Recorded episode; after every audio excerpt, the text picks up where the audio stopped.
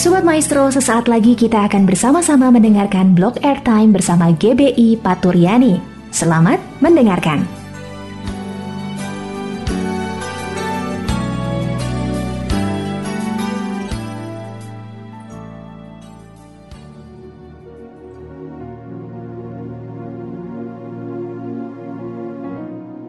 Shalom Sobat Maestro yang dikasih Tuhan, berjumpa kembali dalam acara Suara Paturyani.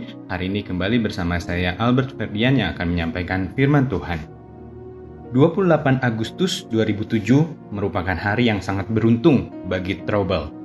Ia menerima warisan sebesar 12 juta dolar Amerika dari Leona Helmsley, seorang miliuner perhotelan di Amerika Serikat. Surat wasiatnya dibacakan di pengadilan New York sehingga secara sah Trouble berhak menerima warisan tersebut. Siapakah Trouble? Ia adalah anjing kesayangan keluarga Helmsley. Ya, keluarga Helmsley memberikan warisan yang sangat besar untuk seekor anjing kesayangan mereka. Kemudian tanggal 22 Juni 2021 terdapat juga berita berbagi kebahagiaan dengan orang lain, pasangan Crazy Rich Malang Gilang Widya Pramana dan Sandi Purnamasari memberikan mobil mewah untuk karyawan mereka. Kedua berita tersebut menampakkan betapa Leona Helmsley dan Crazy Rich Malang tersebut begitu mudah memberi sesuatu kepada pihak lain. Apakah dengan otomatis mereka bisa kita sebut murah hati? Sore hari ini kita akan belajar apa yang dimaksudkan dengan orang yang murah hati sesuai dengan firman Tuhan. Mari kita berdoa. Tuhan Yesus, terima kasih Tuhan kalau sore hari ini kami masih diberi kesempatan untuk kami belajar firman-Mu Tuhan. Sore hari ini kami mau belajar tentang murah hati Bapa. Bapa biarlah Kau yang berikan hikmat marifat pada hambamu ini Tuhan untuk menyampaikan isi hatimu dan kebenaran firman-Mu sehingga apa yang disampaikan boleh sesuai dengan kehendak-Mu dan berkenan di hadapan-Mu. Lebih lagi Tuhan, kebenaran firman-Mu boleh mengajar kami, membentuk kami, menjadikan kami orang-orang yang murah hati sesuai dengan kehendak-Mu. Kami siap mendengarkan firman-Mu hanya di dalam nama Tuhan Yesus Kristus. Haleluya. Amin.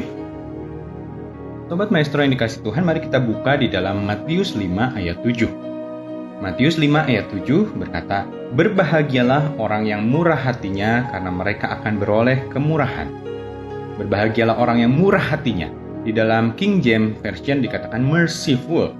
Ya, di dalam terjemahan firman Allah yang hidup dikatakan berbahagialah orang yang baik dan berbelas kasihan karena mereka akan dikasihani. Berbelas kasihan yang lebih sesuai dengan merciful. Kalau kita boleh pelajari lebih lanjut apa itu murah hati, tidak dapat kita lepaskan daripada belas kasihan. Murah hati bukan sekedar memberi, ada unsur belas kasihan yang terlibat di dalamnya. Kita dapat memberi tanpa mengasihani, namun kita tidak dapat mengasihi tanpa memberi. Tuhan Yesus sangat menekankan betapa lebih penting belas kasihan bahkan dibandingkan dengan memberi persepuluhan. Di dalam Matius 23 ayat 23 katakan, Celakalah kamu hai ahli-ahli Taurat dan orang-orang Farisi, hai kamu orang yang munafik, sebab persepuluhan dari selasih, adas manis, dan jintan kamu bayar, tetapi yang terpenting dalam hukum Taurat kamu abaikan, yaitu keadilan dan belas kasihan dan kesetiaan. Yang satu harus dilakukan dan yang lain jangan diabaikan. Mari kita pelajari lebih lanjut tentang arti murah hati melalui perikop perumpamaan orang Samaria yang murah hati. Kita buka di dalam Lukas 10 ayat 30 sampai 35. Saya akan bacakan. Jawab Yesus, adalah seorang yang turun dari Yerusalem ke Yeriko. Ia jatuh ke tangan penyamun-penyamun yang bukan saja merampoknya habis-habisan, tetapi yang juga memukulnya, dan yang sesudah itu pergi meninggalkannya setengah mati. Kebetulan ada seorang imam turun melalui jalan itu, ia melihat orang itu, tetapi ia melewatinya dari seberang jalan. Demikian juga seorang Lewi datang ke tempat itu ketika ia melihat orang itu, ia melewatinya dari seberang jalan. Lalu datang orang Samaria yang sedang dalam perjalanan ke tempat itu, dan ketika ia melihat orang itu, tergeraklah hatinya oleh belas kasihan ia pergi kepadanya, lalu membalut luka-lukanya. Sesudah ia menyiraminya dengan minyak dan anggur, kemudian ia menaikkan orang itu ke atas keledai tunggangannya sendiri, lalu membawanya ke tempat penginapan dan merawatnya. Keesokan harinya, ia menyerahkan dua dinar kepada pemilik penginapan itu, katanya, Perawatlah dia, dan jika kau belanjakan lebih dari ini, aku akan menggantinya waktu aku kembali. Sobat Maestro, kalau kita pelajari lebih jauh dari perikop tersebut, kita boleh melihat ada empat unsur yang terdapat dalam murah hati. Yang pertama, kita boleh melihat ada terjadi hal-hal yang mengenaskan, hal-hal yang berhubungan dengan dosa. Di sini kita lihat bahwa ada seorang yang turun dari Yerusalem ke Yeriko, ia jatuh ke tangan penyamun yang bukan saja merampoknya habis-habisan tapi juga memukulnya dan meninggalkan setengah mati. Ada terjadi hal yang mengenaskan.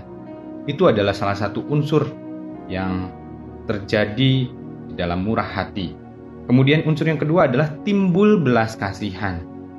Kita lihat di perikop tersebut lalu datang seorang Samaria yang sedang dalam perjalanan ke tempat itu dan ketika ia melihat orang itu tergeraklah hatinya oleh belas kasihan. Terjadi hal mengenaskan, kemudian timbul belas kasihan.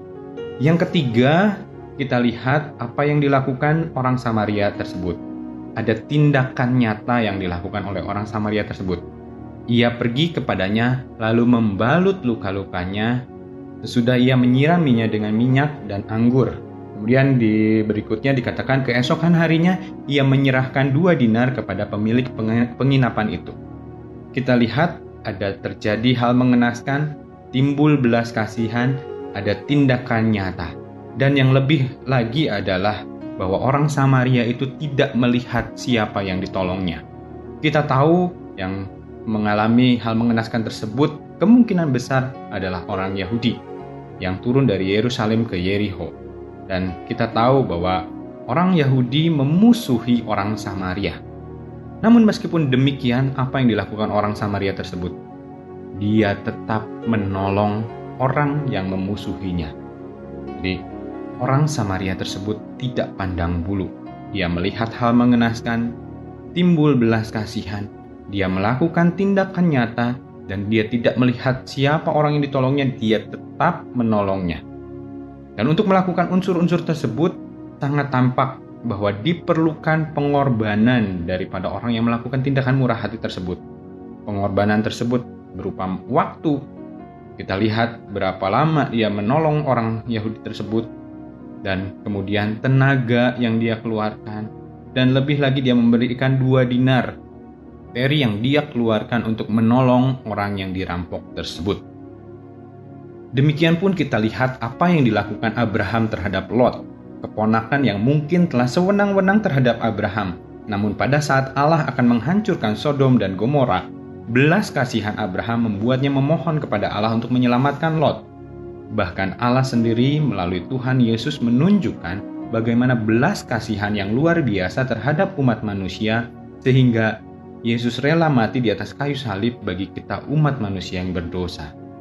Yohanes 15 ayat 13 katakan, tidak ada kasih yang lebih besar daripada kasih seorang yang memberikan nyawanya untuk sahabat-sahabatnya.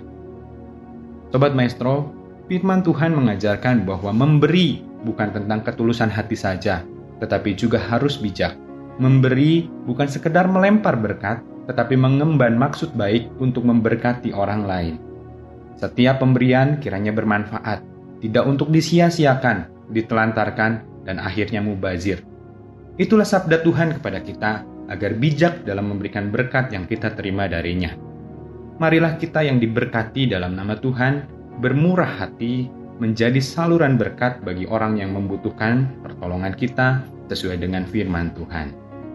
Apa pun yang Tuhan dapat berikan melalui kita, Dia dapat memberikannya kepada kita. Mari kita berdoa. Tuhan kami mengucap syukur Tuhan kalau sore hari ini kami boleh belajar tentang murah hati Tuhan. Bapa ajar kami Tuhan, kami dapat murah hati sesuai dengan kehendak-Mu Tuhan. Ajar kami mengerti, memahami, dan melakukan firman-Mu Tuhan. Kami boleh mengambil sikap murah hati Tuhan.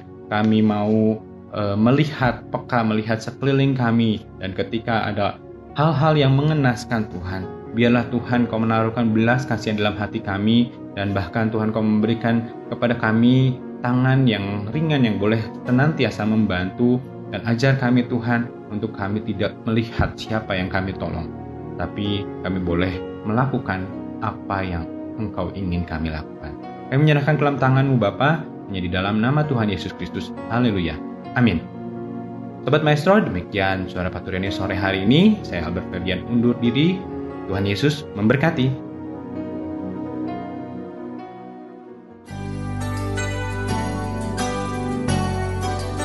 Sobat Maestro, kita baru saja mendengarkan blog airtime bersama dengan GBI Paturyani. Terima kasih atas kebersamaan Anda. Tuhan Yesus memberkati.